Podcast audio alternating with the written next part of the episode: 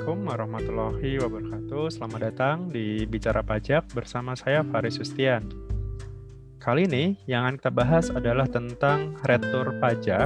Jadi kalau selama ini kita sudah mungkin sering membahas tentang bagaimana cara membuat faktur pajak, bagaimana cara kita mengkreditkan eh, faktur pajak gitu. Nah, yang akan kita bahas sekarang adalah bagaimana kalau misalkan kita membuat retur atau bagaimana kalau misalkan kita dapat retur pajak gitu. Nah, silakan disimak pembahasannya berikut ini.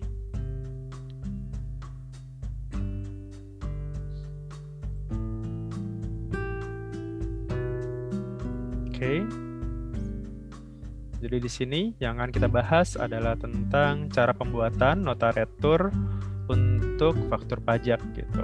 Nah, Oke, kita mulai dari definisinya sendiri. Jadi kalau retur itu kan pengembalian BKP ya, barang kena pajak adalah pengembalian barang kena pajak baik sebagian maupun seluruhnya atas pembelian BKP gitu, oleh pembelian BKP gitu. Jadi eh, BKP ini barang kena pajak, kemudian eh, pengembalian BKP ini dianggap tidak terjadi dalam hal BKP dikembalikan diganti dengan barang yang sama. Kemudian baik itu dalam jumlah fisik, jenis maupun harganya gitu. Jadi uh, nota retur ini akan dibuat ketika memang misalkan kita membeli sebuah barang, kemudian ada katakanlah yang cacat, kemudian yang cacat ini dikembalikan. Uh, bukan diganti ya. Jadi kalau diganti dengan jenis barang yang sama, harga yang sama atau bentuknya yang sama, maka itu tidak perlu pembuatan retur gitu.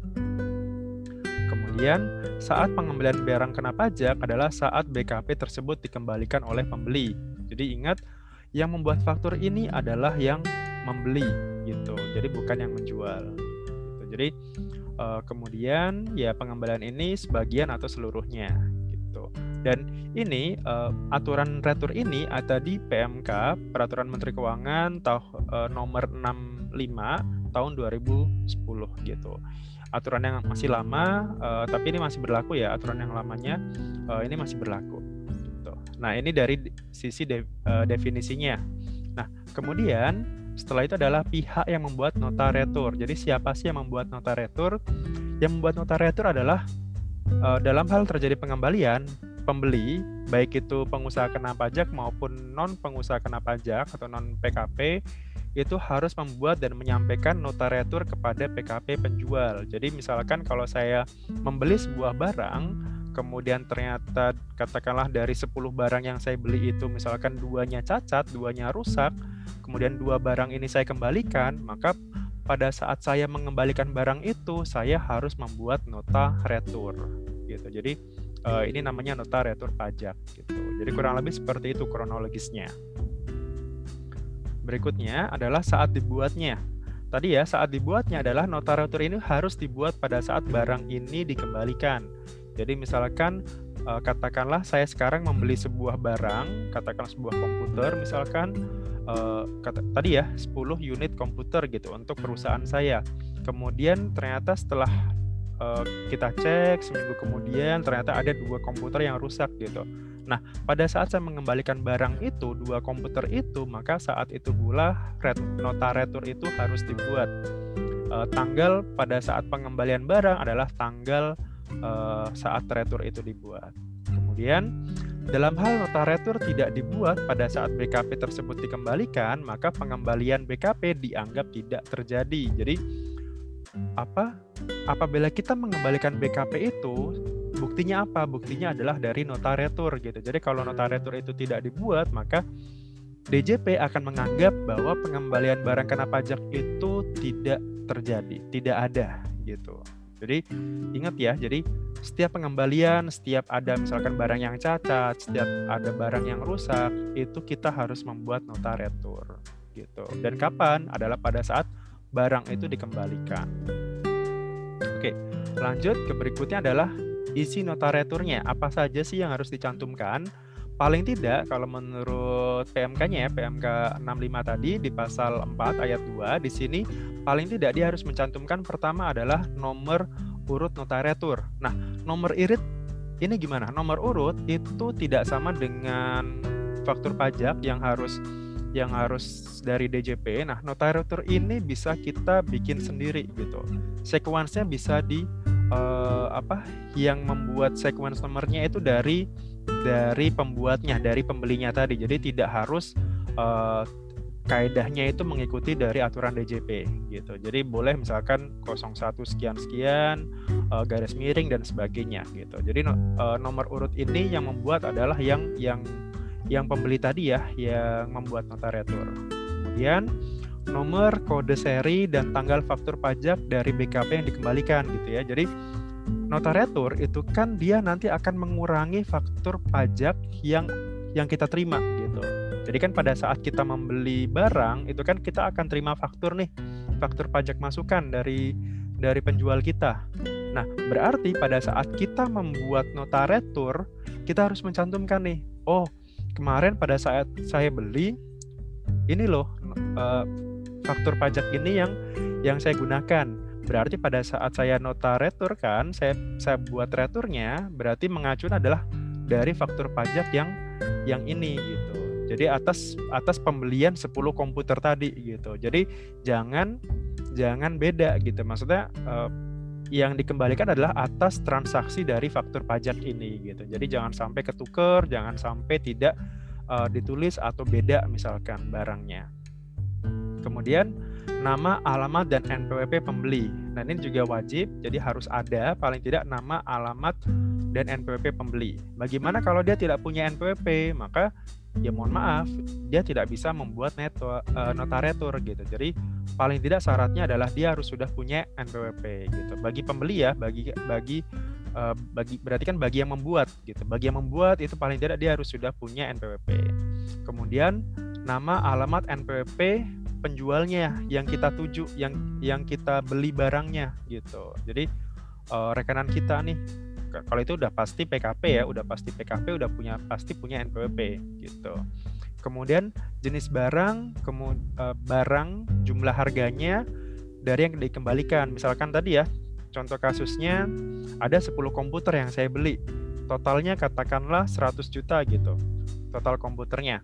Kemudian yang saya kembalikan karena rusak tadi itu ada dua komputer gitu. Berarti kan anggaplah katakanlah 20 juta misalkan yang kita retur gitu. Berarti itu harus di, dijelaskan gitu jenis barangnya apa. Kemudian jumlah barangnya berapa. Apa nilai barangnya yang kita kembalikan berapa. Misalkan dari 100 juta tadi katakanlah PPN-nya berarti 10% ya, berarti ada 10 juta Nah, berarti PPN yang dikembalikan ke penjualnya berarti kan ada sekitar 2 juta gitu.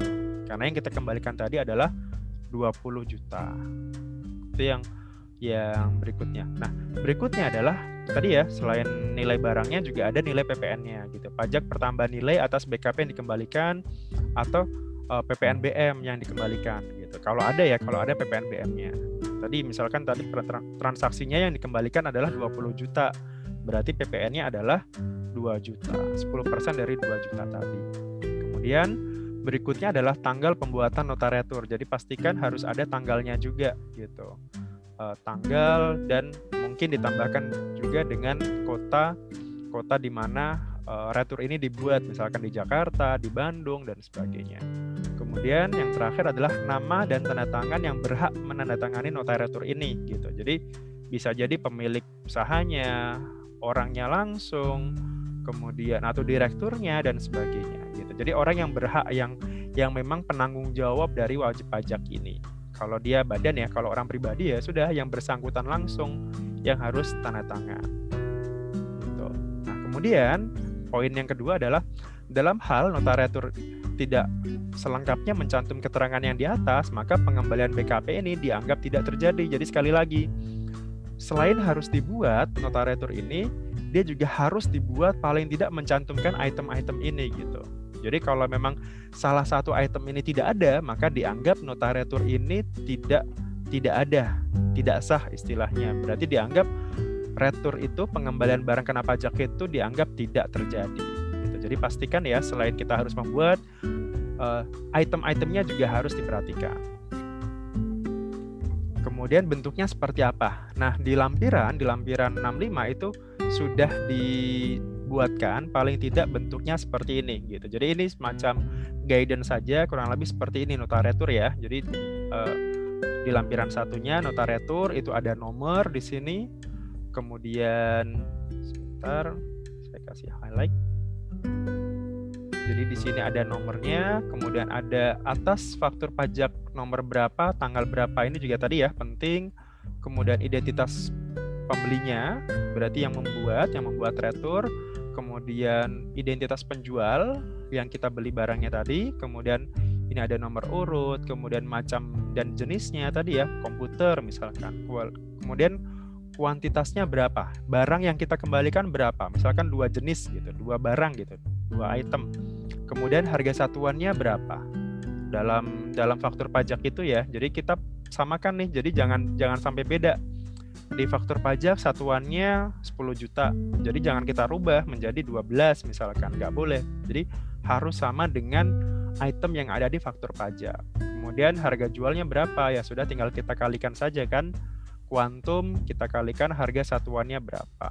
Nah, dari sini tinggal dijumlahkan aja harganya berapa tadi, kemudian PPN-nya berapa. Tinggal kita kalikan 10%. PPN BM itu kalau ada ya. Kemudian di sini ada tanggal misalkan, kemudian kota gitu, tanggal dan kota. Kemudian di sini adalah nama dan tanda tangan di sini, tanda tangannya di sini. Dan ini kurang lebih bentuknya seperti ini. Nanti ada lampiran-lampirannya, ada lembar-lembarnya gitu. Jadi di sini ada lembar satu, lembar dua, lembar tiga. Ini ada ada kegunaannya nanti. Gitu. Oke, berikutnya. Peruntukannya, peruntukan tadi ya, nota retur. Nah, sekarang nota retur kita bicaranya jika pembelinya ini adalah PKP, pengusaha kena pajak gitu. Yang membuat adalah seorang pengusaha kena pajak. Maka dia paling tidak harus membuat dua lembar, dua lampiran. Lembar yang pertama di sini, lampiran yang pertama adalah untuk PKP penjual, kita serahkan ke penjual kemudian lembar yang kedua itu kita arsipkan kembali. Jadi paling tidak harus harus dua, yang satu sebagai arsip, yang satu lagi itu kita serahkan ke ke pembeli kita, ah, sorry, ke penjual kita gitu. Jadi sekalian kita ngasihkan barangnya, ini loh sekalian saya serahkan uh, nota returnya seperti itu. Kemudian berikutnya, kalau dia pembelinya ini adalah non PKP, dia bukan pengusaha kena pajak gitu. Dia cuman wajib pajak biasa, bukan PKP. Maka tetap harus buat nota retur di sini. Kemudian paling sedikit dia ada tiga rangkap nanti. Ada tiga rangkap. Rangkap yang pertama kita serahkan ke penjual, ke rekanan kita. Kemudian yang kedua adalah arsip untuk pembeli eh, kita sendiri sebagai arsip. Kemudian yang ketiga di sini yang penting adalah ke tempat pembeli terdaftar. Jadi kita harus serahkan notaretur itu ke ke KPP di mana kita terdaftar. Misalkan kita terdaftarnya di KPP eh, Pratama Bandung Cibenying misalkan. Ya sudah, karena kita bukan PKP, maka kita harus serahkan notaretur itu ke KPP Cibenying. Tuh, jadi biar nanti diarsipkan, nanti akan dijadikan data juga seperti itu. Jadi paling tidak harus ada tiga tiga rangkap kalau dia non pengusaha kena pajak gitu. Ini lembar ketiga ini harus disampaikan ke KPP tempat pembeli terdaftar. Ke tempat pembeli ya, ke tempat di mana kita sebagai pembuat retur ini terdaftarnya, bukan ke tempat penjual ya, ke tempat penjual, tapi ke tempat kantor pajak di mana kita terdaftar. Kemudian warning juga di sini dalam hal notariatur tidak disampaikan di sini tidak disampaikan ke KPP maka dianggap pengembalian BKP itu tidak terjadi gitu. Jadi pastikan tadi ya selain harus membuat selain juga harus item-itemnya harus lengkap paling tidak tadi ada item-item itu kemudian di samping itu paling tidak dia harus menyerahkan lembar ketiga itu ke tempat KPP di mana dia terdaftar. Tapi ini khusus kalau dia non PKP ya, non pengusaha kena pajak. Tuh. Berikutnya adalah ini. Kemudian perlakuan PPN-nya sekarang, perlakuan PPN terhadap notaretur. Notaretur itu kan pasti akan mengurangi PPN gitu ya. Nah, sekarang bagi penjual, bagi penjual, bagi yang yang diberi notaretur gitu. Pak, saya dapat notaretur nih dari pembeli saya. Apa yang harus saya lakukan gitu? Maka yang pertama adalah PPN atau uh, PPNBM dari barang kena pajak yang dikembalikan itu menjadi pengurang pajak keluaran dia. Kan pada saat dia menjual barang, dia kan mengeluarkan faktur ya, dia membuat faktur pajaknya. Artinya itu kan berarti faktur pajak keluaran bagi dia. Nah, ternyata tadi misalkan DPP-nya nilai transaksinya 100 juta, PPN-nya 10%, berarti 10 juta. Nah, ternyata dia dapat retur nih, Pak, saya dapat nota retur nih, PPN-nya 2 juta. Otomatis yang 10 juta ini nanti akan dikurangi dengan yang 2 juta tadi gitu. Dia akan mengurangi pajak keluarannya. Gitu. Kemudian yang kedua adalah pengurangan pajak keluaran ini atau pajak keluaran dari PPNBM kalau ada oleh PKP penjual dilakukan dalam masa pajak saat terjadinya pengembalian barang kena pajak gitu. Jadi kita harus masukkan nota retur ini ke aplikasi e-faktur kita itu adalah pada saat nota retur itu dibuat gitu. Di masa pajak nota retur itu dibuat. Jadi bukan di masa pajak di mana faktur itu dibuat, faktur yang yang diretur, tapi di mana masa pajak retur ini dibuat. Jadi misal katakanlah faktur pajaknya pembeliannya itu sudah terjadi di bulan Juni lalu misalkan. Kemudian returnya baru terjadi di bulan Juli ini. Berarti apa? Input di e-fakturnya itu berada di masa Juli ini karena baru dibuatnya di masa Juli. Retur ini dibuatnya di masa Juli. Jadi pastikan di sini PKP penjual itu dilakukan di masa pajak saat terjadinya pengembalian gitu. Jadi bukan pada saat buat faktur tapi pada saat uh, retur ini dibuat atau barang ini dikembalikan. Berikutnya adalah bagi pembeli sekarang. Bagi pembeli sekarang kita bagi lagi ke dua. Pembelinya itu statusnya kalau dia PKP gitu ya. Nah, kalau PKP sama kalau PKP berarti kan dia ini sebagai pajak masukan. Kan pada saat kita membeli barang, kita dapat faktur dari penjual. Artinya itu adalah pajak keluaran, sorry, pajak masukan kita, gitu. Misalkan tadi katakanlah 100 juta ya, PPN-nya 10%. Maka nanti akan jadi pengurang pajak masukan, gitu, dalam masa pajak saat terjadinya pengembalian BKP, gitu. Jadi kalau bagi penjual tadi dia harus input sebagai pengurang di pajak keluaran.